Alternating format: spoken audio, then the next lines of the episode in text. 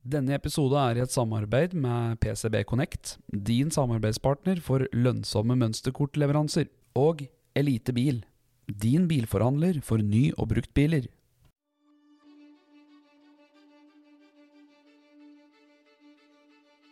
Gå veien sammen med dem. Og være en omsorgsperson, være en støttespiller, være en uh, voksenperson, være en kompis, være en bror, en søster. Altså Vi skal ikke gjøre jobben for dem, vi skal gjøre jobben sammen med dem. De skal ha delaktighet i eget liv, da.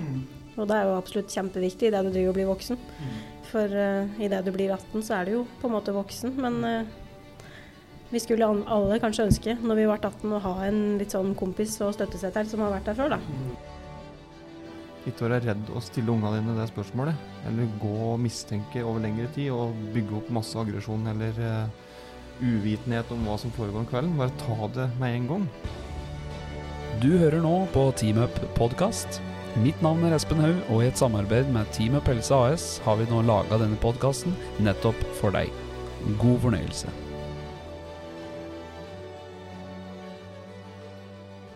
Velkommen. Takk. Nå har jeg mistet tellinga på hvilken episode vi er på. Åtte. Jeg tror det er åtte. Er det åtte?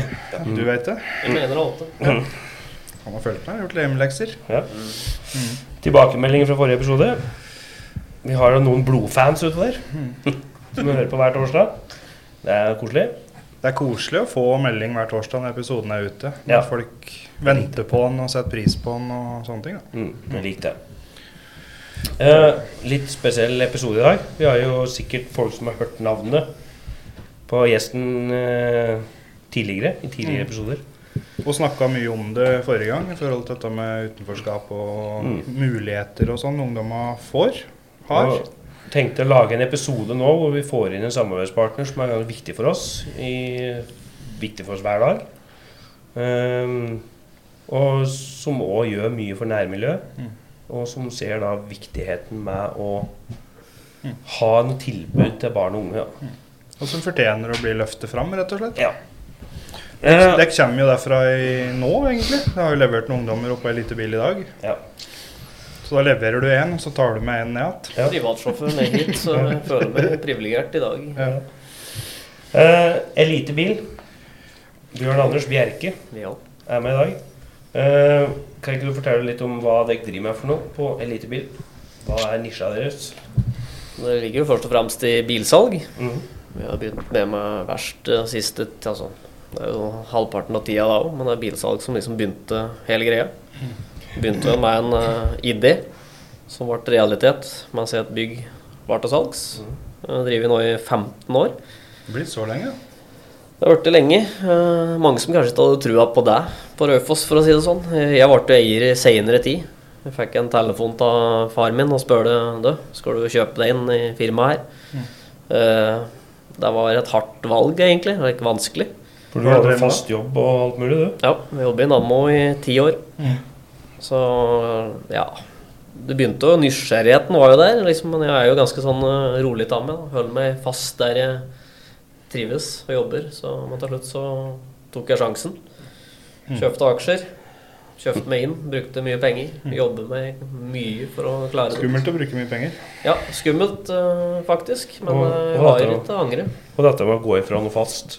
Ja, Gå ifra noe fast, du stemper det ut, og så er du ferdig. Nå har jeg jobben egentlig 24 timer i døgnet. Mm.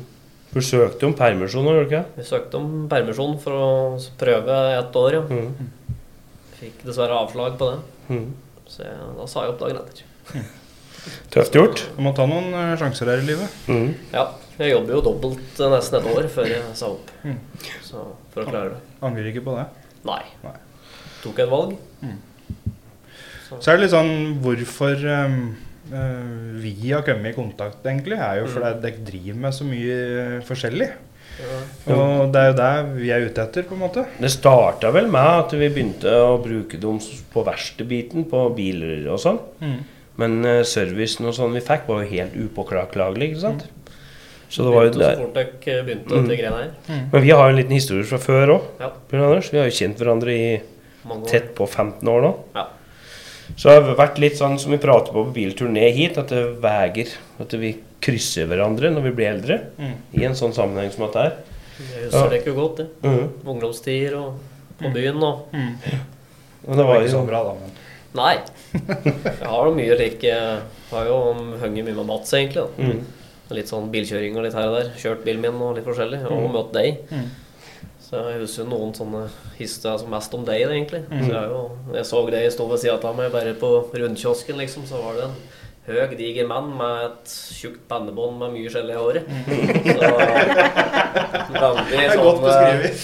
jeg, så, jeg var liksom ikke Jeg var liksom ikke Jeg var ikke redd det der jeg så. Det var en, var en diger mann, ja. Men den gangen jeg kanskje skjønte at Gjøvik Gjøvik by var noe utrygg, det var vel kanskje når Blå Bar var oppe og kjørte gjennom byen der. Da var det gjerde inn hele utearealet, husker jeg. Og da så jeg deg da, Lars, i bar overkropp utafor der på natteskjell på kveldstid, så tenkte jeg dette kan aldri gå bra.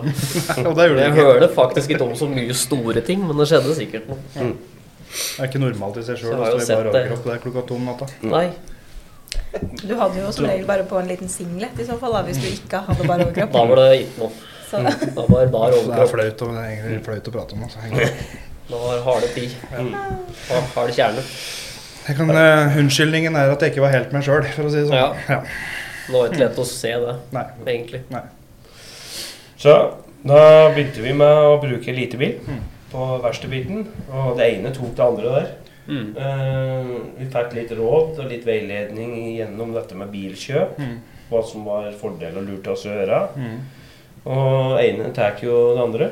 Og, For, det, for det vi, I forhold til det, da, så driver jo vi med altså Vi jobber jo med mange forskjellige kommuner. ikke sant? Så vi bruker mye bil i jobb, og vi er jo ute på oppdrag og sånn, så vi er liksom avhengig av å ha tilgang på biler til de som jobber og sånn. altså Vi kommer oss rundt, og vi får møte ungdommer hjemme og familier hjemme, og vi har møter med kommuner i ulike kommuner og sånn, så da måtte vi ha en litt sånn ordentlig runde på hva vi trenger av biler, og få litt oppfølging på det. Avhengig av noe som fungerer. Mm. Og god hjelp når det skjer noe. Da. nevnte jeg tidlig. At, Ja. og så begynte det med en ungdom som søkte noe praksis i forbindelse med skole. Mm. Og var litt interessert i dette faget der. Og da resulterte det i at jeg spurte Mm. på elitebil. Og det var blankt ja.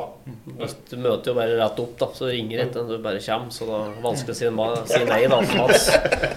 Jeg har en ungdom her, så her må du ta om tirsdag. Så sier jeg ja, det er Det er dette som er så fint med Mats, det er derfor den fungerer så jævlig bra Ute. Jeg skjønner det godt, for jeg- tør å si nei til Mats, da. Det er verre hvis Lars kommer, kanskje. Men eh, jeg har aldri sagt nei til ham. så Ja, men det handler litt om For når vi har vært der, da, så er det vi, og det får vi følelsen av hvem folk Eller hvor mulighetene ligger. Og det handler litt om at når vi kommer dit, så havner vi ofte i en sånn sosial prat, og det er ikke imøtekommende, og vi blir med inn på verst, og alle der er jo så åpne og pratsomme. Og, så det blir jo fort en sånn sosial plass. Selv om vi ikke kjente flere av de som jobber hos dekk, så følte vi veldig fort at vi gjorde det. da. Så er det ikke Det virker som at det ikke bare er en bilbutikk. Men du får sånn Du får sånn personlig preg over det. Mm. Og det likte vi veldig godt. Og det ser vi òg at uh, At ungdommen nå trives veldig godt med. Og hver gang du kommer, så må jeg ta kaffe, så da må jeg ta pause. Mm. Du finner nesten kaffen opp med, selv om det er travelt. Men hvis du skal finne liksom fine arbeidsplasser som, som tar imot og, så må du få en litt sånn følelse av at det her, her kan de få være seg sjøl, her kan de få skravle litt, her kan de få utvikle seg.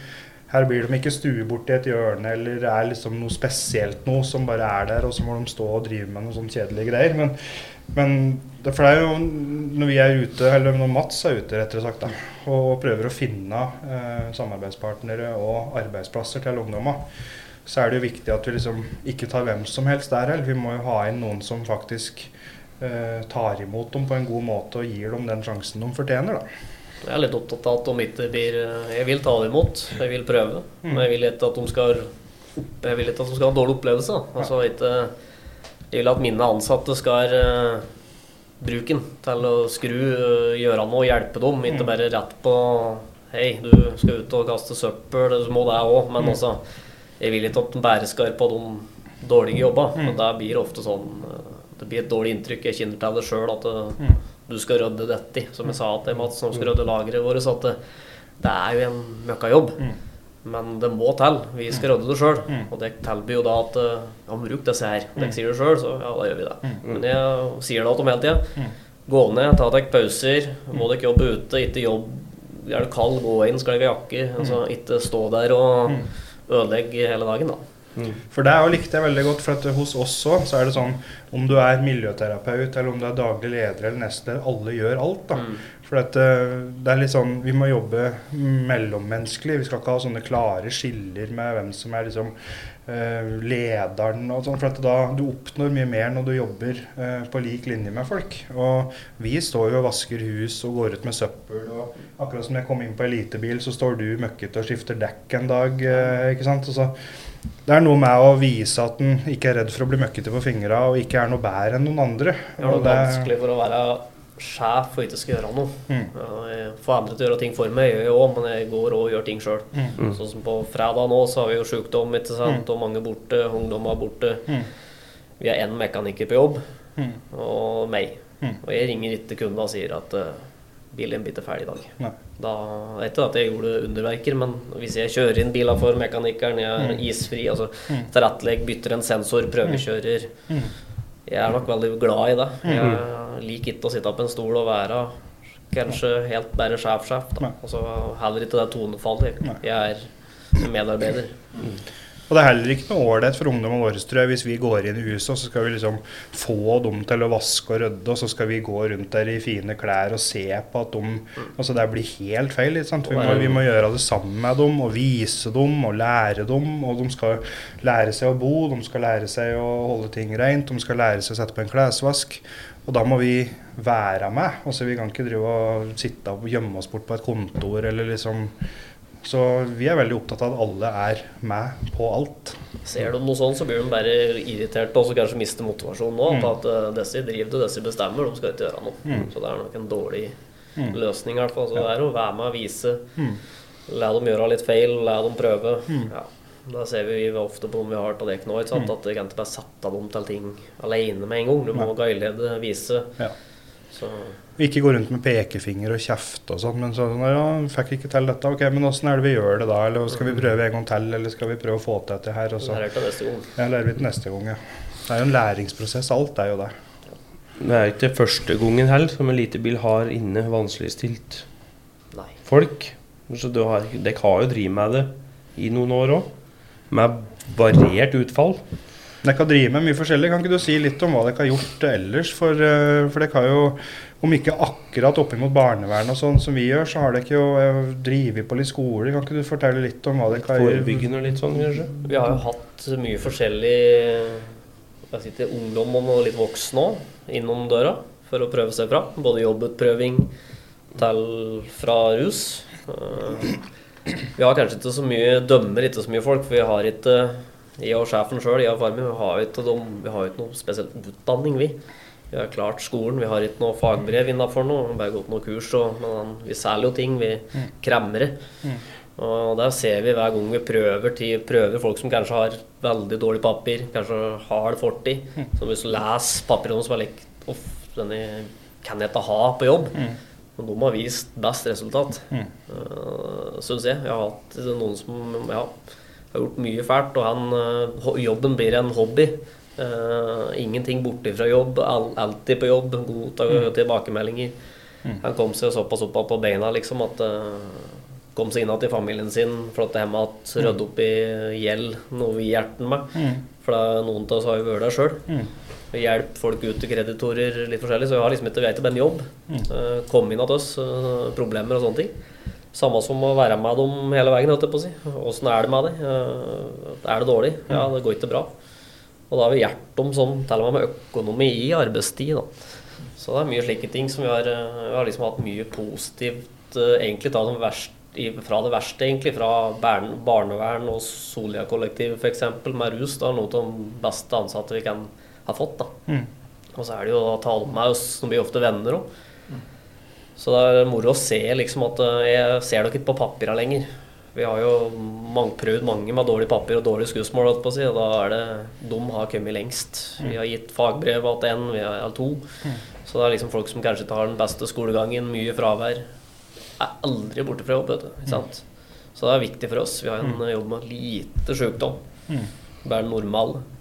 Så jeg er veldig positiv mot alle, alle vi har eh, lånt eller fått låne, fått bruk i. Men jeg, som jeg sier, i min hverdag så er jeg litt opptatt av å følge med at de ikke ved sturebordet sitter på en stol selv om de må gjøre det til tider. da. Mm. Men vi har prøvd alt. Vi har utplassering fra skolen.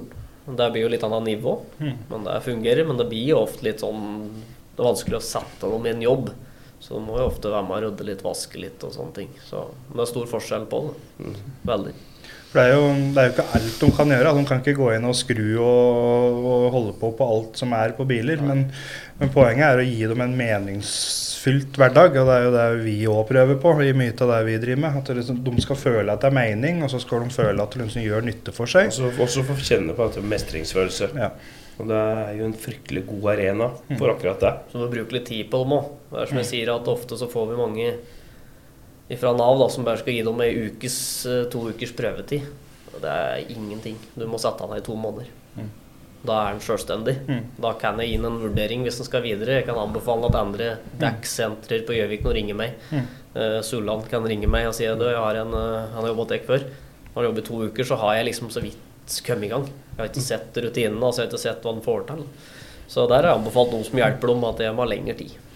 For Én ting er jo å ta med seg masse ungdommer, og det ser bra ut utad, eller du kan skryte på det at du har med folk fra Nav og har med ditt og datten. En annen ting er jo det med inkludering, at de faktisk føler seg inkludert i arbeidsmiljøet og, og føler seg en del av gjengen. For hvis du, Det er ikke så kult å gå der som en ungdom. Her, her har du noen arbeidsklær, og så bare går du rundt der en dag, og så prater du ikke med noen, eller blir ikke inkludert i det som skjer, eller invitert med, eller og det er jo litt sånn, Der må du ha litt sånn sosiale skills eller litt sånn medmenneskelighet for å få til, tenker jeg. da. Jeg spør ofte om de er noe du har lyst til å være med på, så gjerne si ifra. Har du lyst til å prøve dekklinjer, har du lyst til å være med og vaske bil, har du lyst til å være med på PC-jobb, da. Så jo mer de interesserer seg sjøl, så er det lettere for meg å sette dem i riktig spor, da. Så prøver jeg å kunsten av å kødde litt med han, holdt på å si. Litt grann tulling, men ikke på å tulle på feil punkt, liksom. Spør dem litt. Bra dag, bra i dag. Det Er noe du vil gjøre i dag? Trives du her?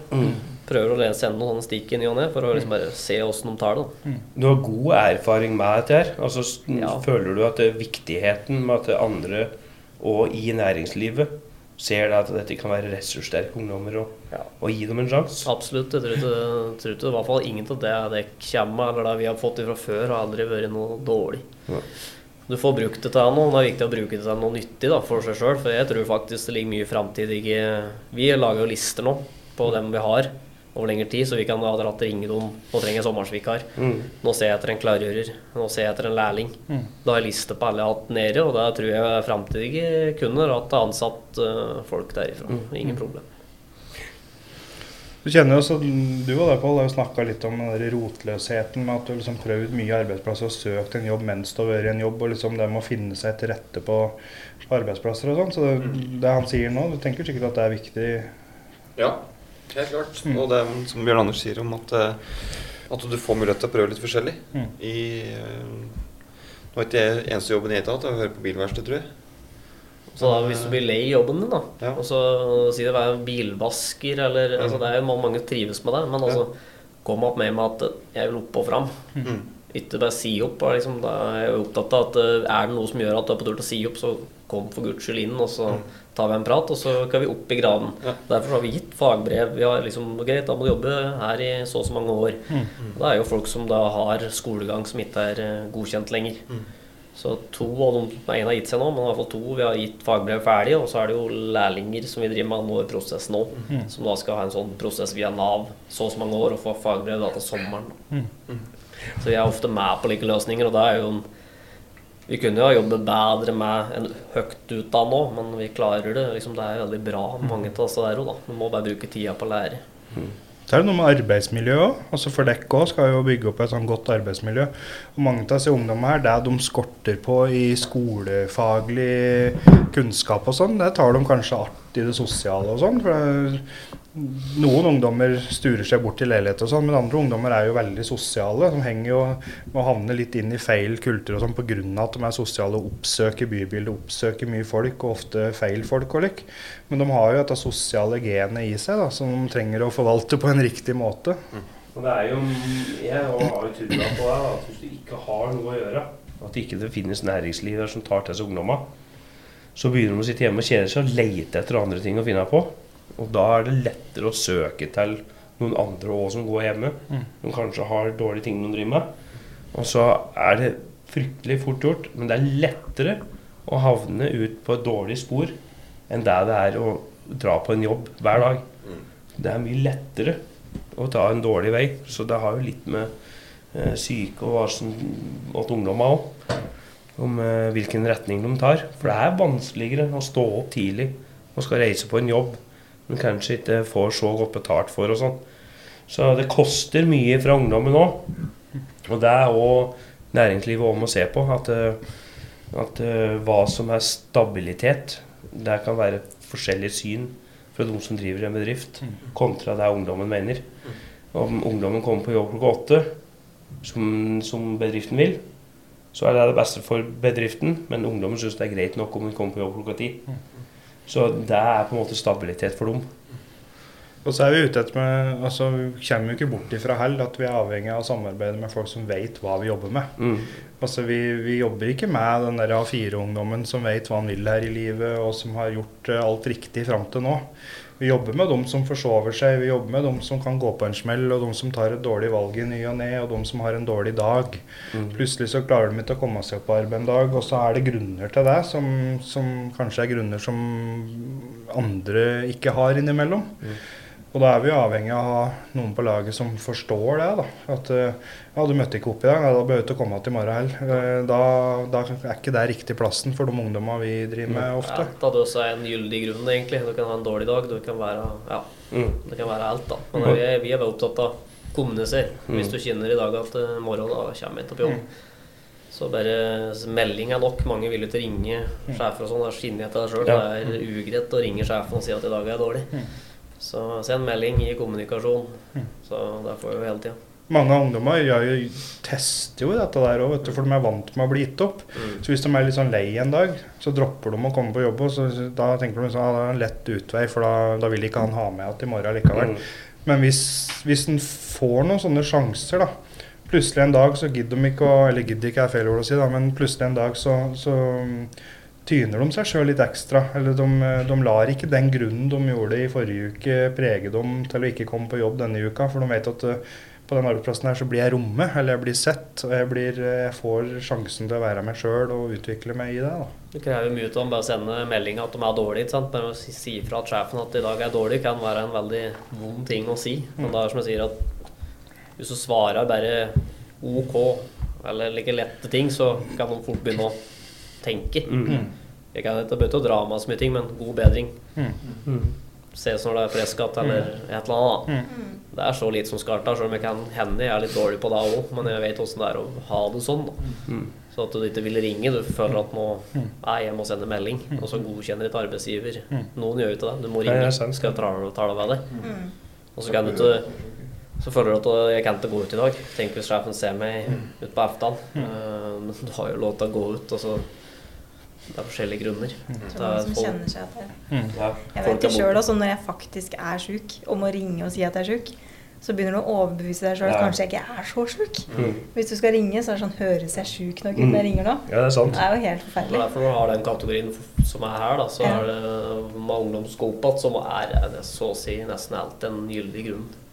Mm. Men målet, øh, målet mitt ofte, det er jo at uansett om du er hjemme, om det er en dårlig dag eller noe, så skal de kjenne på at de vil egentlig på jobb. Mm. Men så har de dårlige dager dag som trumfer det, da. Men det er denne lysta òg. Nå sa jo han ifra sjøl, han ene. Mm. Eh, Ja. ja, av meg. Har gjort det? Ja, han, eh, jeg tror Ja. det er han fra Undalen. Mm. Han sendte, sendte melding bare, og da Ja, for jeg sier det til dem, at hvis jeg ikke skal på jobb For de tar telefonen hver dag. Og, sånn, og da sier jeg at hvis jeg skal på jobb, da må du si ifra. Jeg sendte melding. Ja. Mm. Det er bare å svare da på en eh, så Mm. hyggelig tone som mulig. Jeg kan være litt stresset, men jeg prøver. Men Men det er, mange som, det er mange som går seg fast i en sånn vane og en mønster. vet For de er vant med å prøve en ting, og så er de vant med å feile. Og så er de vant med å prøve en ny ting, og så er de vant med å feile. Og så har de gjort dette år etter år eller uke etter uke. Og så plutselig så øh, blir det en sånn vanegreie med at de, de, eh, når de har vært, gjort det bra fire dager på jobb, så er det nesten at nå må jeg fucke opp en dag, for at det er, så holder jeg meg ikke til mønsteret mitt. Mm. Og så får de en arbeidsgiver som på en måte tåler det. da. Og så sier de ja, men kom i morgen, da. Hvis du ikke klarer det i dag, så kom i morgen. Og det er så viktig, for da er vi med på å bryte disse mønstra som de har brukt lang tid på å, på opparbeide. Og så gjør det at de gradvis begynner å snu i tankegangen sin med at eh, jøss, jeg trenger jo ikke å fucke opp dette her, for jeg, han vil jo ha meg uansett. Eller han vil jo at jeg skal komme igjen, liksom. Mm, vi ser jo det hos flere ungdommer at de, de, de begynner å få til noe, og så begynner de å stresse seg sjøl opp fordi de får til. Fordi de pleier ikke å få til. Mm. Så de ødelegger eller sab de saboterer for seg sjøl fordi de er redd for å få til noe. For de får det liksom ikke til. De vet hva man å mestre Nei. ting, liksom ser at det får til noe. Mm. Men Dette kjenner jeg meg igjen sjøl Ja, ja. fra før i tida. Sånn, for at hvis jeg liksom gjorde noe bra for lenge, så begynte jeg å tenke sånn Hva er det som hva fælt? Er det som skal skje nå snart? Eller, Mm. og hvis det ikke skjedde noe fælt, da sørga jeg for at det skjedde noe fælt. At nå må jeg bli tatt av politiet i helga, eller nå må jeg sitte ta en tur på glattcelle, eller noe sånt, for nå har det gått uh, bra for lenge her. så du begynner å spenne bein på deg sjøl. For at, uh, dette her er jo ikke meg. Jeg feiler jo alltid, så jeg må jo gjøre det igjen snart, på en måte. Så er det jo ikke å stikke under stol, for at vi har, du har jo noe som heter Elite Bil Racing Team òg. Ja. Og der er vi, vi og meg. Og det resulterte i at vi kjøpte jo en egen banebil som ungdommer skal få lov til å prøve. Nå var det en virkelig dårlig vinter da i fjor. Men målet er jo å få bli med elitebil og kjøre litt på bane. Og ungdommer har jo vært med dekk og 70 på. Blant annet på Vinnermoen på Dokka. Og For det som egentlig har vært mest av i år, er at vi har vært, gjort mye kult sammen. Ja. Altså med, det er jo nå siste tida som, som praksisplasser og sånn har blitt oppnådd Mm. på stekk. Men, men eh, året sett under ett, så er det jo opplevelser Ja. og aktiviteter. Bilkjøring og greien At Mm. vi har ungdommer her som skulle hatt noen turer, og jeg har kommet dekk til Dokka og får noen ordentlige turer. Mm. Og får beskjed om åssen opplegget skal være i forhold til diverse ting. Og så er det mange som ikke sitter på der som ikke har det moro. Nei. For Du kan jo si litt om det, altså, både om, om dette racingteamet og hva dere driver med der. Og dere har jo vært rundt på skoler og litt sånne ting med det før òg, så du kan jo si litt om, om det òg. For det er jo en arena som ungdommene våre er veldig glad i. da. Nei, alle liker jo bil, -hmm. så å si. Eh, Det er mange Vi kjører alt som er med gatebiler og NDC og alt som egentlig vi kan kjøre. Bakkeløp har vi kjørt, ene kjørt i år. Det går på samholdet i at vi skal være en gjeng som kan Det begynte liksom med at det skal være en gjeng som da alle kjenner alle, liksom. Altså flere og flere inn.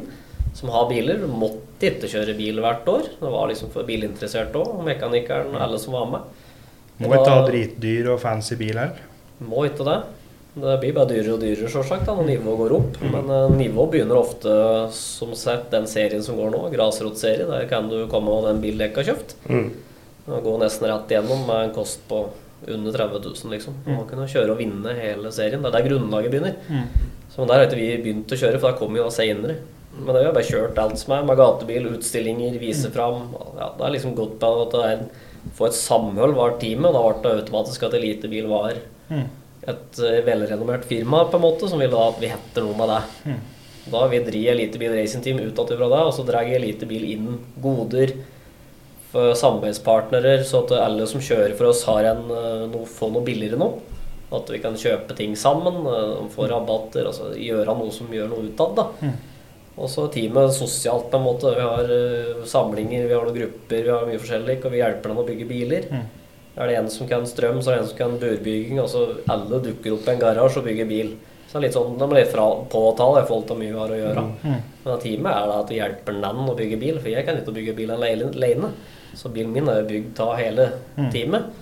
Og da ser jeg at noe slikt fungerer da nesten da ikke noe problemer. Så er det moro å se hva du klarer å skape uten å sende bort at proffe, utdannede folk. At det er bare interesserte folk. Så teamet er bare samholdspunkt. liksom at det er venners venner og venner videre som er disse skal være med her. Så teamet er Det er morsomt, liksom, da, at det skulle være et samhold i det. Vi, så vi så jo, vi fikk jo med oss det at jeg drev og Vi hadde jo kjører, faste kjøringer også på Vinjarmoen og på noen av disse lokale banene som er rundt her. da. Så det var der vi kikka litt på at vi hadde lyst til å ha med ungdommer på. For det det er- syns jo alle er kult. Det er å få lov til å kjøre litt sånn på en bane som du vil sjøl. I hvert fall når du er 16-17 år. da. Og det er gutta som, som har litt peiling på at det er og har et eget racingteam. Så det er litt tøft ikke sant, for disse ungdommer her å få være med på. da. Vi hadde jo bare sånn en i fjor som var sånn PC-mann. Jeg spilte ifra dekk. Mm. Det var ikke mye inntrykk han ga. Satte i bil, normal, men det gikk ikke en runde eller, altså, før han var helt i ekstase. Så jeg tror når han kom ut igjen fra bil, så sa du opp med at det var jo Han var helt i hundre og skulle begynne å kjøre sjøl. Og, og der har vi vært flere. Vi har hatt med oss eldste er jo 70 år, og drifting er bare tull. For det er rallycross og det er VRC. Jeg satt på der så bare Hvordan får dere det til? Jeg sliter med at jeg har fått med min egen far. Men han satt på. Skal jeg Ja, på en tur til? Det er ganske stort. For dere, dere har jo sånne lavterskelbiler, holdt jeg på å si, Ja. det, men dere har jo noen rå biler òg. Ja, det Så dere har liksom over hele fjøla. Så det, det å få lov til å være med på litt sånn Kjøre med en gammel BMW på banen og sånn er moro, men òg det at dere har tatt med ungdommene våre i disse verstingbilene deres, så de har fått lov til å oppleve driftingbiler og disse tinga der, har jo vært eh, gromt for disse ungdommene Nå våre. var det like moro en bil til 30 som en bil til en million, hvis de er riktig sjåfør. Jeg har til og med en ungdom som har vært med dere på taket i sommer. Ja, det stemmer. Ja, første dagen hans med oss på aktivitet. Ja. Det er verkstedmesteren vår. Så eh, det gikk galt til slutt. Men eh, klart, med den sikkerheten som er i dag, med seler og hjelmer og ditt og datt, ikke sant? så bur, ikke minst. Den bilen er jo ute og se at den har vært på taket i dag. Den tok bare helg, da, så er den oppe og går igjen. Bare for å si det, da, så ungdommen bare åpnet døra og gikk rett ut og gliste. Så det Ja. var ikke noe skader eller noe sånt. Da. Det var under veldig sikre former, men han fikk seg en skikkelig opplevelse da på Det er en opplevelse. Ja. Uh, han ble med den rette sjåføren med en gang, i hvert fall. Ja. Kim legger ikke mellom nå. På pedal, den er i bånn. Han sa jo det når vi kom dit, vi sto der og så på, Mm. at den der gule der, den skulle han sitte på i, for det var den som gikk fælest. Og det hjelper ikke å si at han eh, ta noen rolige runder med han. Nei, Nei. her er det alt av litt nå. Ja. Og det har Det var full gass, og det var alt. Mm. Og Vi sto med hjertet i hersen og så denne bilen rulle rundt uti sanddyna der. Og så for oss at dette må vi forklare at noen etterpå. Så kommer det til så er det jo det breieste smilet på hele Vinnermoen. Mm. Da syntes jeg det var dritmoro å henge opp ned en bil.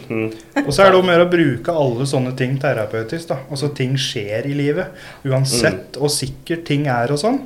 Og så er du tøff i trynet og skal pushe grenser og skal gjøre ting drøyest mulig hele tida, så skjer det ting. Så jeg tror vi som snakka om det litt sånn i etterkant, at eh, altså plutselig så er livet ditt på taket, holdt jeg på å si. Altså du må Ja, men du må være forberedt på at hvis du stikker fram huet ditt, så kan du få deg en kakk. Og Så i den du må situasjonen vet du, så var jo det med sjåføren like blid. Ja, ja, ja. Mm. Sjåføren har brukt mye ressurser, mye tid, mye penger i den bilen. Mm. Det er en bil med mye hester. Ja. Han smiler like mye. Ja. Her må ta det rolig og ta til stjerna og gå ut. Mm. Så, Og så kommer vi jo, Kent Rune er jo i racingteamet deres. Han har vi jo pratet mye med. Han har jo engasjert seg Veldig. i ungdommene våre. Han er jo per, per nå så er han over og henter en bil for en av ungdommene våre, Mm. som da skal på reparasjon på elitebil. mm. nå skal vi ta imot og se over for han eh, som vi prater om. Og så skal vi se hva vi løser for han. Mm. Og det er slike ting vi gjør, så ting skal komme ut av det, altså komme ut av det så fint som mulig. Og han har jo hatt med ungdommene våre på mye kjøring mm. på bane på Vindharmonen og sånne ting. Ungdommene har fått lov til å sitte på med han. Han har vært veldig på tilbudssida, men når vi kommer dit med en fire-fem ungdommer og sånn, så driver han og kjører og kjører og kjører og kjører hele dagen for at ungdommene skal få bytte på og sitte på og oppleve dette greiene der. Og han har jo òg tilbudt å ha med ungdommer i verkstedet sitt uh, utenom. og og så hadde vi jo en kul greie i sommer, da, for han eh, Kent Rune Stubberud, som han heter, han kjører jo NM i drift i tillegg. NDC, Ikke stub, Stubberud, men Stubbene Nei, Karlsen. Stubbene Karlsen, mener jeg. Stubberud. Vi tok det ikke med han hit. Ja. Det var en god gjeng. Det som er vanskelig i de situasjonene, er at det er såpass stort og det er vanskelig å få en kontinuerlig sånn at de får sitte på. Der må man på en måte kanskje være mer eh, mekanikerstab og sitte på litt under trening. Med slike forhold så er det vanskelig å kanskje få noe sittetid i seten for ungdommene deres. da. Så det er litt større opplegg. Men vi lagde jo litt greier rundt det.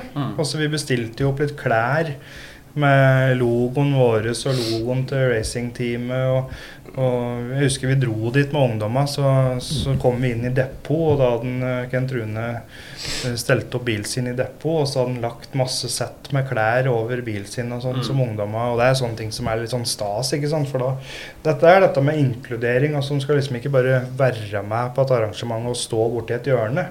Men når de kommer dit, så får de en plass, og de får klær, og de får liksom lov til å føle seg en del av det. da. En del av en gjeng. da, Nå står merket på klærne, og det er mange. ikke sant? Så du er ikke alene lenger. da, Nå er det samhold. Mm. Så Så det er viktig med det med bare en genser. Mm. Den genseren har nok sikkert betydd òg mye for noen. Ja. Mm. Den bruker de eh, enda. Ja, ja. Mm. Støtt og stadig. Det Ja. er det vi pratet på at du skulle lage den genseren. og lagde vi jo sammen. Men det kan jo være på barneskoler òg. Ja. Tatt med hele racingteamet i arbeidstida. Tatt fri fra arbeid. Gjort som et gratis arrangement. Mm. Hvor barn og unge Altså Da er vi på det som er forebyggende. Mm. Ikke sant? Ofte eh, barn og unge som er i skole og er liksom og fungerer kjempefint der. Og at du kan stiller dem opp, og så viser de en arena som de kanskje ikke visste så mye om. Da begynte bare med en lærer ringe meg. Jeg har lyst på noe opplegg. Jeg har mye trøtt skoleelev. Lei skolen. Altså, ja. Mm. Vi har noe annet i fag, og da er dette et fast opplegg som nå blir framover i fjerde klasse. Mm. Det blir fast en gang i året. Det er vi fast ifra nå, da. Så det er to år på rad nå. Der vi da må stille opp på skolen og to timers tid og vise fram biler, lyd, gi bort ting. Og der kommer det jo Første året vi var der, så var det jo Ja, jeg visste ikke hva jeg skulle møte, egentlig. Fjerdeklassinger tenker jeg det er ikke så stort, kanskje. Det, Åssen blir dette? Det overrasker meg noe sinnssykt med ungdom. Altså det kan jo kalle ungdom, det òg. Tidlig ungdom. Men det er store ord. Den beste dagen i mitt liv. Dette trodde jeg var dårlig. Dette her jeg skulle faren min ha vært med og sett på. Eh, ja, Jinten var, Jinten var den største med mye store ord. Beste dagen i mitt liv. eh, ja, liksom, men det gjør mye at vi har ei jente i teamet òg. Mm. Når hun kommer med racerbil og står der, så hun gjør mye, syns jeg. Mm. Så det er en profil da, hvis det bare er gutter, så jeg syns det går greit å få med seg forskjellige typer. Mm. Så vi prøvde å få det opplegget bedre med å gi bort ting. eh, Plakater, underskrifter. Si at du kan få underskrift av sjåføren. Da er vi kjendiser for en dag. Alle skal signeres arket. Det gikk mange fra Korta skole den dagen med signert i penna til og med, for de skulle jo da signeres. Så det var en dag som var helt Kul greie, da. mye spørsmål eh, og mye bra. Så vi der prøver å gjøre det mer spektakulære etter hvert. Så i år så hadde vi òg nytt opplegg, og like bra. Mm. Med forskjellige samarbeidspartnere som vi drar inn med å da gi bort ting. Ja, nå får jeg ikke starte opp biler. Og det er som sier at de tror ut at det er noe heftig, men det er ganske heftig. Og da er vi inne på, for du prata på forebygging og sånn. Vi, vi trenger noen sånne hva skal jeg kalle det, ildsjeler. eller noen som, altså Du må skape en interesse, du må skape arenaer, du må skape noe som samler ungdom. Kanskje du planter ei bilinteresse. Kanskje noen som ikke var det fra før. da. Kanskje de på en måte går bilretning. Kanskje de blir bilmekaniker eller billakkerer eller blir, kjører løp sjøl en gang i tida. Der de står kanskje som 16-17-åring og har muligheter for å gå feil vei i livet. Og så har, du, har de dratt med seg en bilinteresse opp igjennom, og så velger de den retningen i stedet. Og det bør ikke være bil, det kan være alt mulig annet, men vi trenger folk da, som er med på å skape sunne arenaer. Uh, om det er bil eller om det er noe annet. Men, men vi trenger de folka som, sånn som dekk driver. Da. For dette da, jo mer eh, muligheter ungdommer får, om det er idrett eller om det er bil eller om det er hva det er for noe, så, så klarer vi å på en måte skvise ned dette dårlige i Bare større grad. Et sånt opplegg som vi har der på to timer, er jo sinnssykt å se hva de gjør. Mm. Det gjør vi også. Vi sjåfører er superfornøyd, og folk vil stille opp og være med og ta seg fri fra jobb, som sagt. Mm. Og vi betaler dem ikke, og vi skal heller ikke ha noe penger for å dukke opp på like opplegg. Nei. Vi vil bare vise fram der vi har bygd. Mm. Og da sier de det at «Å, den bilen koster 30. Det er store, det er store barn det òg, da. Ja, det er grunnlaget. Så ser jeg liksom den dyreste bilen den koster en million. Da var det helt sjokk, ikke sant. Må jeg ha en bil til en million? Nei, du må ikke. det. Jeg har det like morsomt med en bil til 30 000 hjemme. Mm. Jeg slipper ikke forbi med han som har en bil til en million. det går på sjåfør, interesse, og du kan kjøre bra med en dårlig bil. Apropos jinte bak rattet og sånn, da var jo Martha jo kasta seg på ballen og ordna seg vinterbil til Yes. vinteren sjøl, så nå har vi jo to banebiler. Jeg gleder meg til jeg skal kjøre alene, og alle dere andre skal bytte på den. Det er jo en brennende engasjement fra mannen din nå. Ja, ja. Mm. Jo, men jeg òg er jo sånn. Og jeg Ja. elsker sånn ball og bil. Da treffer du liksom 80 av folket, føler jeg. Mm. Du er sånn som er sitter sånn- på Formel 1 hele tida og Ja, sånn, så du jeg ser er på jo treninger og alt. Ja. Mm. Men jeg syns det er dritmorsomt. Mm. Jeg har vært mye på Vinjemoen. Jeg, har jeg har vært mye med han mannen min, og onkelen hans har drevet med rally, og det er jo mye i familien hans òg. Mm. Men det er jo interessant, og det er jo spennende. Og det er jo fint å reise på noe annet enn alt det du pleier å gjøre. Mm. Så det er jo mye adrenalin og spenning. Første året dere kjøpte bil, så hadde vel vi prepp bana sjøl. Mm. Vi har jo noen i gjengen som har noe tomt. da. Mm. Det er like bra å kjøre der. Mye trening. Det var ikke noen takjøringer med Ja, deres jeg- Ja, jeg kjørte Men det var jo En del ganger. Når det vi prøver å opprettholde hver vinter, så er det å lage den egne banen med gode sikkerhetstiltak, egentlig. Med ja, litt påbud med et hjelmbruk og litt forskjellige sånne Og ting. der var det jo ikke, det var ikke bane som var stor nok til at du fikk opp noe særlig hastighet. Ikke sant? Dette var bare for gøy. da. God trening. Så nå er det da Krabi da, som satser hardere på vinterkjøring, så det er veldig bra. Tettere. Og jogge ble overrasket når jeg kom ut på denne garden, og mye folk som var der. Ja, Da vi, på, på dagen før, når vi liksom spurte om eh, det var mulig å bli med på noe banekjøring Ja, vi skal møtes opp på denne garden der og kjøre litt. Da så jeg for meg at du og kanskje en par til fra elitebil Mm. eller noe sånt hadde liksom øh, var der en dag og bare drev og kjørte litt. Så kommer jeg dit, så fader, det var jo mange biler var det der? 30-40 biler eh, og 100 folk, holdt jeg på å si. ut på- Og mye folk. Ja, Hva dere skaper av engasjement rundt dette greiene Da der. er det prøver vi mer ut av det, at du gjør en hel dag stadig. Sant? Du Mm. tenner noe bål og prøver å lage Ja, og prøver å få dem til å sitte på litt og prøve litt. For det er ikke noe farlig å kjøre ut på der. Så hadde vi visst det var så stort opplegg, så hadde vi tatt med kledd oss enda bedre og Ja. tatt med grill og virkelig tatt en dag der. Men eh, vi var ikke helt forberedt på hva som skulle møte oss når uh, Valek hadde stelt i stand når vi kom dit. Det er mye tid bak å lage det opplegget bra òg. Så de som driver og lager bane der, har mye timer med snømåking og for å lage en bra bane. Er ofte bedre enn det vi reiser og betaler for. Så vi har kjempeopplegg. Og så lenge du får bil som flytter, så får du bil som går fort utpå der òg. Mm. Det var jo mm, I fjor var det var dårlig vinter. Mm. Det var jo lite is, holdt jeg på å si, å kjøre på. Så vi håper på at det blir bedre. Nå som vi går inn i sesongen med to egne biler, så håper vi på at dere arrangerer mye så vi kan være med og, og kjøre. ikke snø, da. Nei, det var det. Det ser ut nå, så ser det ikke så lyst ut. Det er vel meldt snø i dag. Mm. Det er håp. Det er håp. Men eh, over til, er du fornøyd med de som jobber oppå deg? Ja, det er det. Mm. Ja, For du kan si litt nå, Dere har jo to ungdommer dere nå i praksis fra oss. Ja. Mats skal tilbyde med en til. Og Da sa vi jo ikke nei, da. Da hadde vi tok opp om vi skulle rydde det lageret, som jeg mener at det burde vi gjort sjøl. Mm. Men tida Det er hele tida nok å gjøre. Mm. Så han sa at det, jeg mener at det er kanskje en møkkajobb for sånne, men han sier nei, vi setter dem der. Og de sier at dere jobber i deres tempo, ikke noen annen ennå. Mm. Ta det som det er, ta pauser, kos dere, sjøl om det er en Men de ser ut som trives, så det har jeg har sett, i hvert fall. Mm. Og det skjer ting oppå der. Og det sa at jeg skal ikke sette av deres rutine. Finn gjerne en måte å jobbe på sjøl. Mm. Finn faste plasser på ting. Så kanskje de føler de kanskje skaper det lageret, at dette har jeg bygd. da. Mm. Eller gjort noe. liksom. Jeg syns det er vondt hvis jeg skal komme og slikke A4, sånn skal jeg ha det. Og så kanskje de har noen løsninger. Mm. Så jeg er opptatt av det. Finn løsninger, så kjøper jeg det du trenger. Mm. La dem få lov til å prøve, prøve litt og, Mm. og gjøre sin greie. De kommer jo lite og spør, da, vet du. men når de kommer og spør, så er det jo da bare å ta imot spørsmål og så prøve å løse det på en fin måte. Mm. Så ser det ut som de trives oppå der, og det blir bare rådere og rådere. Er De har da sendt en del snapper, og de Mm. viser mye interesse. Så Mm. Er jo, de har jo åpnet opp for at han den ene som jobber oppe, har jo fått tatt med scooteren sin oppå der. Og det er jo mekanikere som har hjerten med problematikk med den. Og Mm. han stiger og vasker den og Ja. Ofte hvis sitter ikke er nok å gjøre, så da syns jeg får så vondt av, vondt av bare se dem kjeder seg. Jeg ser dem kjeder seg, da. Mm. Da finn på noe, så har jeg kanskje nok, så da kan du gjøre noe privat. Det går bra.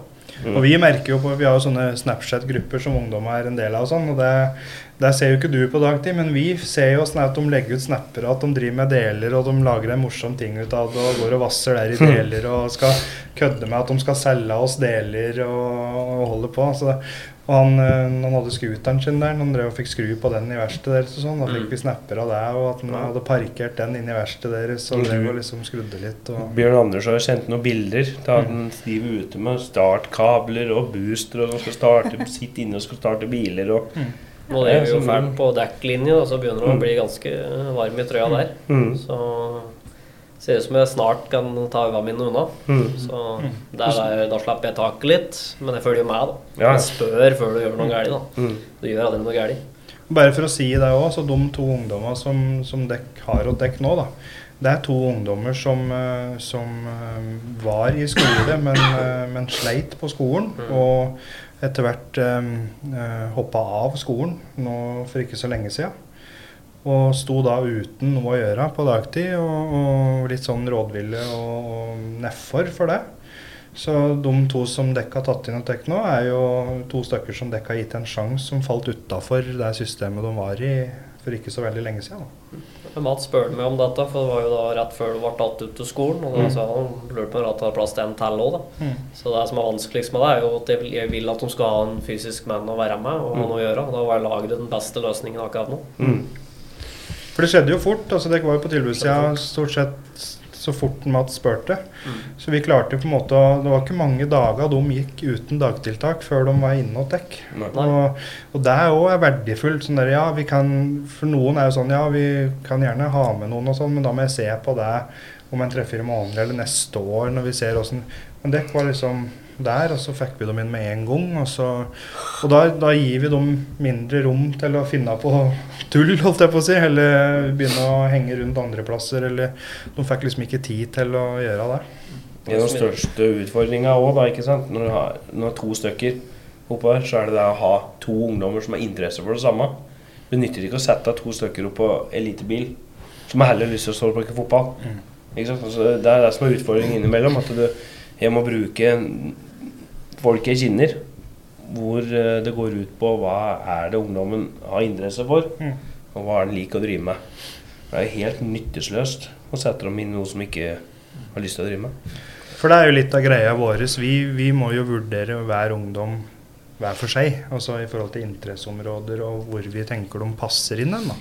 Mm. Så det er jo Vi har jo flere samarbeidspartnere òg, men liksom, vi må jo hele tida leite etter å treffe noen interessepunkter i dem. Altså de trives med det de driver med. Det er sunt å prøve litt forskjellig uansett for dem. For jeg tror mange som ikke vil drive i bilrelatert, som faktisk trives i det. Mm. Selv å vaske en bil liksom kan være Men noen er tilfredsstilt å se at det blir rent. Mm. Fint, det er mye midler. det er Liksom, jeg tror alle kan Det jeg, det jeg savner og har lyst til å se, det er har fått inn en ungdom som har lyst til å prøve seg som bilselger.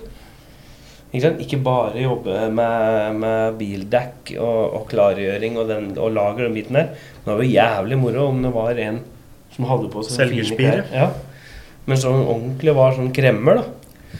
Det, ja, Det liksom- kan jo hende du tenner noe i dem bare å begynne innenfor bransjen. da. Ja. At de finner ut at uh, jeg vil begynne med det. Ja. Ja. Så jeg liksom den selgertypen det var litt moro og funny, han òg. En ordentlig sånn Eller hun. Ja, eller hun. Er der. Ja. Men jeg tenkte på, for at du, du har jo et engasjement, Kent Rune har jo et engasjement, også, men så har det ikke mange ansatte òg. Ja. Så når, når du tar inn f.eks. en par ungdom fra oss, da, så vil jo det si at dine ansatte òg må forholde seg til det. Ja. Um, hvordan, er det, hvordan føler du at det er blitt tatt imot oppe på Tech? Jeg har aldri hørt noe negativt om. Eh, Jeg vil bare at Det jeg sliter litt med, er å få dem til å bruke dem, som jeg sier. At de Mm. er glad i å Jeg skrur på mitt, og så inkludere dem, da. Mm. Om det bare må finne verktøy. Ikke, som jeg sier, ikke sette dem rett av kasse søppel. Så jeg har noen som er flinkere enn andre, selvsagt. Så jeg jobber med det nå om dagen. er at Mm. eh, Bruk dem. De har vært andre plasser der de bare blir sture i et eh, hjørne og ikke føler at de er noe grunn til at jeg er her i 7,7 Mm. timer, liksom. Og så, For bilmekanikerne dine har jo ikke nødvendigvis så mye erfaring med barnevern og vanskeligstilt ungdom.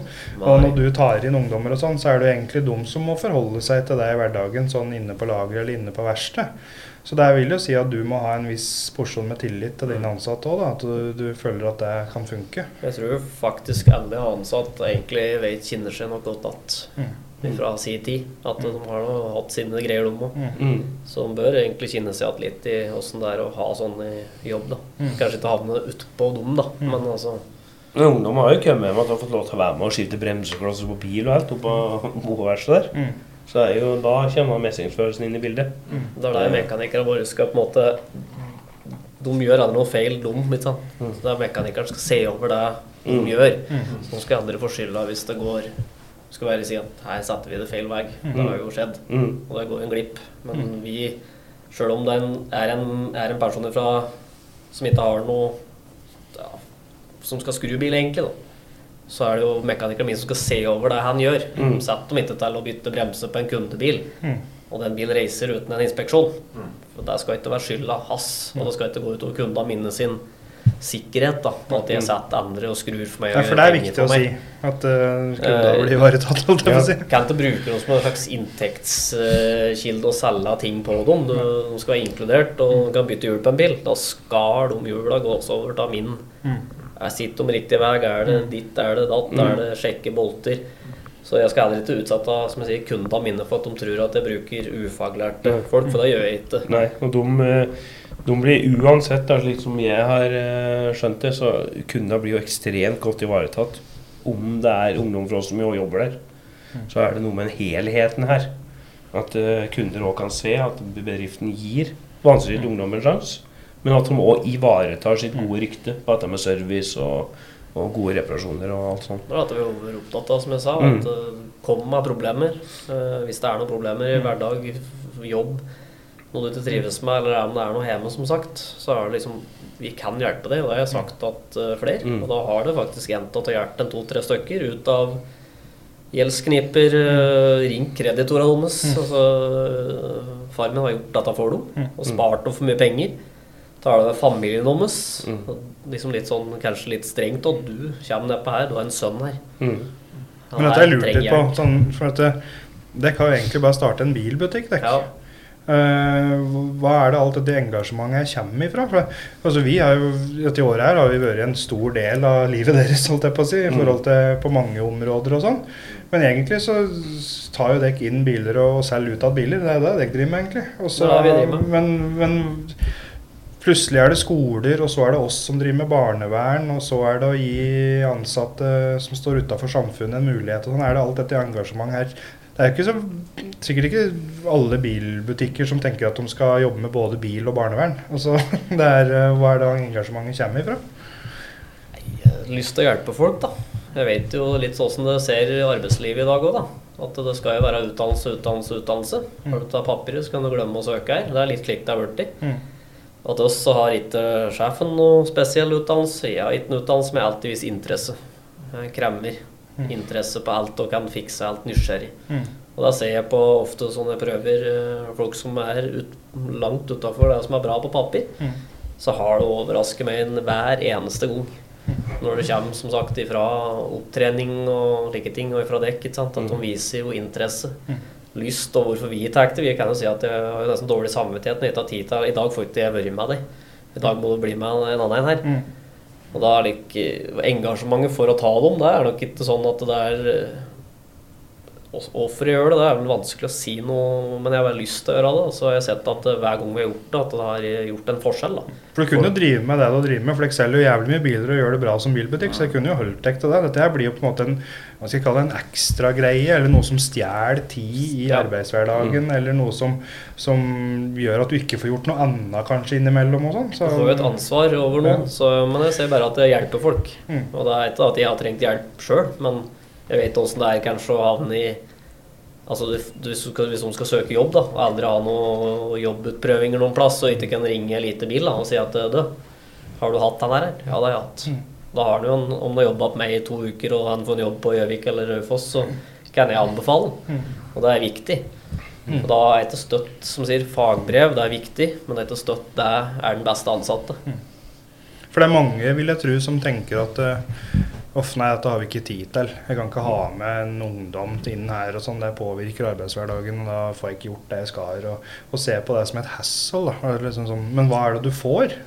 Altså, du, du får jo noen som har lyst til å få til noe. Ja, Som som bidrar.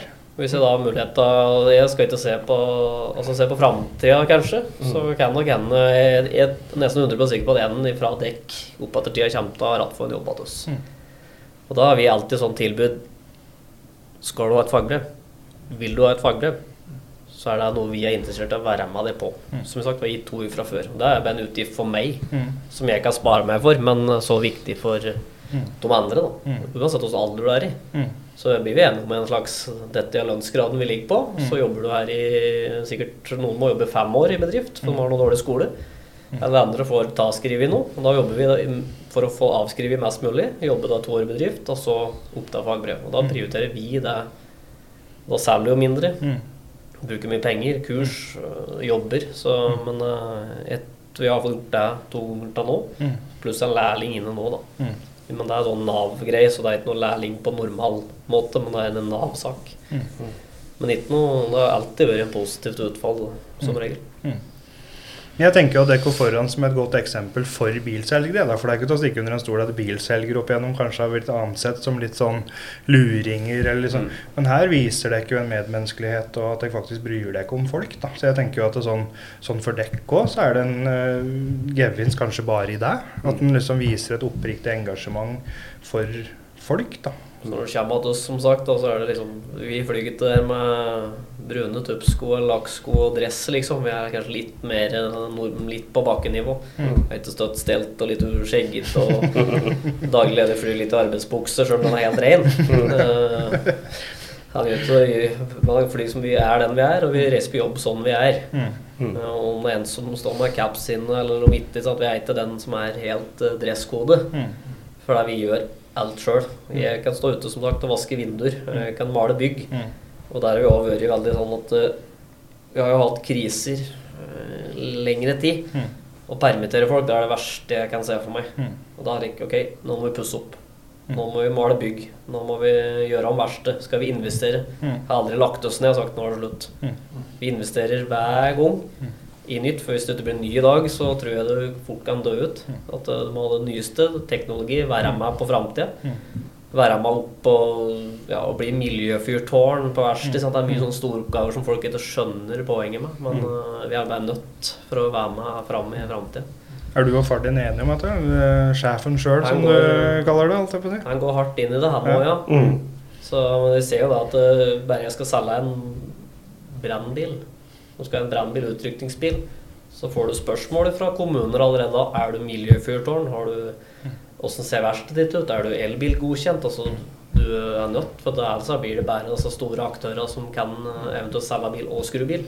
Men nå blir jo godkjent innenfor mer områder. I leasingbiler og alt sånne ting. Det blir en stor kunde etter hvert. Men jeg, er jo, jeg merker jo engasjementet fra far din nå. For når jeg kjører ungdom på arbeid, så er jeg støtt innom kontoret og tar en kaffe før jeg drar ned igjen. Og merker jo engasjementet fra hans side òg. Så det er, eh, sånn, det er en utrolig viktig rolle. Altså at de ikke Det er ikke bare en bilbutikk, men det er racingteamet. Og det er opplegg på skoler, og det er alt de, alt de gjør og alt de bidrar med. Mm. Som er viktig for ungdommen i dag. At de har noe å interessere seg for. Mm. Som skal slippe å interessere seg for dop og narkotika og kriminelt liv. For at det er jo ofte det du blir sittende og se på. altså Du har jo TikTok, og sosiale medier og alt mulig sånn, som danner et bilde av at uh, den veien, som kriminale veien og dette med å dope seg og sånn, at de legger fram det som veldig lukrativt. Men det er jo ikke det. Hvis ikke du kommer på banen og finner på noe annet, så får du ruinert livet ditt. Og det, da er det viktig med sånne ildsjeler og lik. Jo flere sånne her arenaer vi kan bidra med å skape, jo bedre er det jo. Altså, I mitt hue så er det ganske lett, da. Det er ganske enkelt. Ja. Altså, det, er ikke, det har ikke kosta oss så mye å komme i dialog med dere og få til alt vi har gjort i år. Men, Vi har skravla litt, vi har tatt noen kaffer, og vi har delt noen interesser, og vi har snakka om eh, problematikken og hva vi står i og sånn. Og så er du frampå, og er du ute og prøver å få til noe, så er det ikke så vanskelig. Men det var jo, dette er jo et resultat av det som, som sa innledningsvis, da, at jeg har kjent Bjørn Anders nå i nesten 15 år. Og jeg kjente jo Bjørn Fredrik når jeg var ute og ture. Men han satt på Nammo og jobba, hadde fast jobb. Men jeg var ute og ture med noe annet. Og nå er vi i den alderen vi er i nå, og så krysser vi veier. Og nå er vi innad i en sånn samarbeid som dette her. Og der ser en da sånn eh, Men jeg og deg hadde ikke hatt dette samarbeidet her Eller vi hadde ikke hatt dette samarbeidet her med Elitebil hvis ikke vi hadde skjerpa oss den gangen vi gjorde det heller. For det der var det jo to forskjellige veier å gå. Så på et eller annet tidspunkt så må du snuse og se etter noe annet. Da Men alt dette her handler om å prate sammen. Ja. Altså at vi, at vi prater med dekk da, som en av samarbeidspartnerne våre. Liksom, hva er det vi kan få til her? Hva er det dekk driver med? Uh, er det noen muligheter for noen ungdommer her? Eh, hva med dette sosiale? Hva med racingteamet deres? Kan vi komme opp på Vinjarmoen? Kan vi gjøre ditt? Kan vi gjøre datt? Alt dette har egentlig bare blitt skapt av å være litt frampå og ville noe og vise engasjement og, prøve å rigge noe som er positivt. da. Og det dere kan starte her, da. Det er på helsegreiene. Jeg tror jeg er veldig, jeg tror det er veldig bra. Jeg vet det blir veldig bra. For dere er jo riktige personer som har Dere har virkelig fått prøvd det. Mm. Og vet åssen alt er, i stedet for at det er en Jeg tror det er stor forskjell på en som kanskje er utdannet for slik det skal være. Mm. Det kan ha gått utdannelse nå, men altså det kan jo være deg sjøl. Da tror jeg ikke den store forskjellen med å lære opp en ny ungdom. Mm. I stedet for noen som bare driver dette her og ikke vært helt nedi der sjøl. Mm. Da tror jeg det er ganske stor forskjell. Så tror jeg det er jævlig viktig å ha begge deler. I stedet for å Mm. studere seg til at Mm. sånn tror jeg Mm. du er, sånn hadde, har du det. Mm. Dere har hatt det sånn. Mm. Dere har prøvd det meste sånne ting og vært der. Mm. Da tror jeg nok det er stor forskjell i opplæringa videre. Grunntanken kommer jo fra at du har drevet med mye driv- altså det- Dette ble startet på bakgrunn av at vi ville endre noe i forhold til hva vi har opplevd sjøl. Mm. Når du først kommer i gang med ting, så er det veldig viktig at For du kan òg fort bli veldig sånn enspora. Eh, Så det er veldig viktig å få inn folk utenifra, sånn som Marte f.eks., som, eh, som tenker annerledes. Mm. Eller som ser ting i et annet lys enn det vi gjør sjøl. For at det, vi kan fort bare bli sånn gammel kriminell eller gammel narkoman, selv om vi har liksom utdannelse og sånn. Så trenger du på en måte å spare med noen som ser det fra en annen side. For at det, du kan ikke bare kjøre ei linje Nei. hele tida. Du, du må se det bredt. Og det er ikke å stikke under en stol at sjøl med Jan Larsen, om vi starter Time Pause, og Time Pause, så er det ikke noe tvil om at både Marte og Pål har gjort teamet på Elsa sterkere. Mm. At vi bedre fotfeste, og vi, og vi gjør til at vi får hatt en bedre hverdag sjøl, og at vi får gjort mer for ungdommen. Mm. Så det er ikke noe tvil om at dette er et sterkt team, og vi har mange gode samarbeidspartnere rundt. Og vi ville ta med elitebiler, for de har vært veldig viktige for oss det siste året. Mm. Så ja. Jeg vet ikke om dette er en god arena for å diskutere noen priser og sånn. Nei. Vi er best på pris, før fall. Nei, men sånn rent avslutningsvis, da. Ja, da må vi koble inn på en uh, Haugern bortpå her. Hva syns du om uh, temaet for denne her, med, den med å inkludere ungdom i næringsliv? Eh, og hva, litt rundt hva som har vært sagt i dag. Ja, altså jeg er jo veldig på det med inkludering, jeg òg. Mm. Jeg, jeg syns det er veldig viktig å, å legge til rette for, eh, for videre framdrift. da Og spesielt da retta mot ungdom av dere har. Og jeg, ja, jeg tar av meg hatten for det Elitebil gjør eh, rundt samarbeidet med dekk. Og det sier jo mye om bedriften deres i eh, Elitebil. Eh, at det er eh, åpenhet og inkludering er, står sterkt alt òg. Mm. Så um, nei, jeg er ja, veldig fornøyd med det vi har pratet om i dag, og veldig fornøyd med at jeg har fått dem som Eller fått Elitebil som samarbeidspartner. Mm. Så det er bare å fortsette samarbeidet og utvikle videre. Jeg tenker jo at eh, vi har, vi har hatt litt flaks òg. Vi har truffet veldig godt med, Vi har hatt mange ungdommer vi har fått inn som har mekke bilinteresse. Altså Jeg var på mm, Det kommer inn en ny en nå som har den interessa. Eh, Så det har vært en sånn gjenganger hos ungdommene våre. eh, Ikke alle, men, men vi har hatt eh, flere som har bilinteresse og sånn, så det har blitt en sånn greie. Så nå håper vi jo på litt snø, og at vi får brukt disse banebilene våre i vinter nå. Da, at vi, vi får slengt oss med på så oppleggene med dekk i vinter. Og vi kommer litt sent, i- vi hadde dårlig med snø i fjor, men, men vi fikk jo oss ikke banebil heller før på slutten av sesongen, så vi ble litt sånn amputert. Men nå går vi inn i sesongen, og da med egne biler. Marte skal sitte bak rattet, og, og, Og Pål Pål skal herje. Pål- Pål må vi vurdere om vi skal slippe bak rattet. Ja, vi får se. Pål er vant med å kjøre i hele biler om dagen, så han uh, fortsetter med det utover vinteren, tenker jeg. Er. Nei, men jeg syns alle syns fleste som vurderer en bil Altså Dere driver med både nye og brukte biler? Ja. Eh, Leasing og full pakke? Ja, biler helt ned i fem kilometer. Så, Så syns tenker jeg folk skal ta en tur innom der, ta en kaffe med ham og se hva han har å. Så tenker jeg òg at det er um, viktig å si at vi har mange samarbeidspartnere. Men det var viktig for oss å ha med noen inn som faktisk har hatt ungdommer hos seg, og som har spilt en stor rolle i det vi driver med i år. Og, og det er absolutt det er ikke Elitebil Altså man har både rigga arrangementer, hatt med ungdommer på NM i drift, eh, stilt opp på banekjøring, og har nå to ungdommer i praksis hos deg. Så det har liksom vært en sånn viktig partner i år, så jeg tenker at det var viktig å løfte fram i dag. Mm. Med at dere kom hit og sa litt om det, det, hvem dere er, og, og hva vi driver med. Mm. Ja. Hva vi får til å utrette for ungdommen sammen. Mm. Sammen med våre gode samarbeidspartnere. Det er viktig. Hva vil du si til næringslivet for øvrig, Bjørn Anders? Som eh, bør folk eh, ta sjansen på, på dette, eller gi folk en eh, mulighet? Absolutt. Mm. Jeg tror ikke er noen som jeg sa før i dag, at jeg tror ingen andre kommer til å angre på det. Men jeg vil at de bør bruke dem i noe som føler seg at de eh, gjort noe bra, da. Mm. Ikke bare, som jeg sier, rett på søppelhåndtering og Mm. hver gang. Ny og ne så skjer det òg, men bruk dem til noe nyttig. Send dem med en som er flink med å lære bort, kanskje. Mm. Få dem til å ja, gjøre en forskjell på dagen. Mm. Så at hvis de føler seg viktige, så tror jeg de lettere de kommer igjen. Mm. Hvis de bare blir satt til å gå ut og måke snø, eller stå ute og fryse, eller eh, børste biler og sånne Mm. jobber som du ikke skal sette om til støtt, så tror jeg det blir fortere lei det. Mm. Så jeg tror næringslivet har gått til mye flere som kanskje ikke har de beste papirene, så tror jeg de skal nesten love dem at de blir veldig overrasket. Mm. Vi hadde ikke det. Jeg vet ikke de beste papir, så jeg tror ikke noen som har hatt meg ansatt, har vært misfornøyd, tror jeg. Så det er noe med å vise interesse. Og så er det noe med å gi livet litt mer mening og innhold. da. Også mange som driver bedrifter og sånn, er profittstyrt. Det er kjøp og salg, det er penger ut, penger inn. Om å gjøre å skaffe det beste om å gjøre overs nei, overskudd.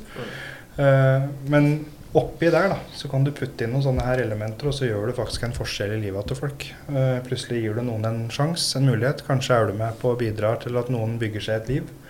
Kanskje noen får eh, ting på rett kjøl. Kanskje noen eh, får en bra økonomi. Det er det vi har sett Mm. virkningen av på et par stykker. Mm. At de er oppe og går igjen, og familie er inkludert igjen, og fått Mm. en unge til og fast jobb. Og, Mm. Så det er liksom sånn Og der kan du ikke måle i penger. Jeg tenker jo av har jeg skapt dette, men så har jeg vel egentlig kanskje det. Mm. Jeg tok imot den mannen. Mm. Vi rydda opp i gjelda sammen med han. Mm. Da han begynte å ringe kreditorer sjøl. Mm. Ringer hjemme til mamma og spør på sine knær. Liksom, da har du blitt på en måte gitt opp av foreldre. Mm. Eh, Du, er, du er ikke en del av oss lenger. Og så da, da de stiller opp igjen, så da har vi da tid den peptalken med at ikke ødelegg dette. Mm. Så ser du da nå et år eller ja, to år etterpå, så har jeg jo jeg er jo venner med han eh, på Instagram og ditt og ser Og unge. Det skjer ting eh, familievis, eh, liksom. Så jeg var jo kjent jo sjøl at eh, jeg tilbyr en fast jobb, og så ser jeg at han skal få ta nedover dit alt eh, dette skjedde. Mm. Da kjente jeg sjøl at det er jo ikke mitt bord, det, men allikevel så ble det det. Mm. Jeg kjente litt på det at skal jeg prøve å overtale han for å være her, eller skal jeg skjønne at han vil nedover av familien sin. Mm. Du må jo stole litt på dem òg, da. Mm. Så han eh, ser, ser ut som det har gått galt, i hvert fall. Så det er jo liksom godt å se, men jeg tenker jo ikke sånn i hverdagen at det kanskje vi har gjort en forskjell der, men det har vi jo Mm. absolutt. Jeg tenker jo sånn eh, at du henger en uh, Espen Haug i speilet ditt, og så kjører du en med Bjørn Anders i vinter. Det er ikke sikkert jeg tar den nå. Jeg hadde kanskje gjort det for en uke siden. Ja. Ja. Mm. ja. det blir bra. Mm. Vi ser frem til fortsettelsen. Ja, vi ses på driftingbanen. Med full mundur. Ja. Jeg ligger mest i snøfonna, men vi kan ses der òg. Ja. Du skal sitte på med meg, du. Jeg kan sitte på med deg. Det er jo fint. Stå i snøfonna sammen. Ja. Vi kan lære deg å kjøre bil der. Ja. Nei, det blir bra. Ja, men Så bra. Takk for besøket, Bjørn Anders. Takk for besøket. Mm. Moro. Mm. Da ses vi neste uke, da. Det gjør vi. Takk for i dag. Takk for i dag. Ha det. Ha det.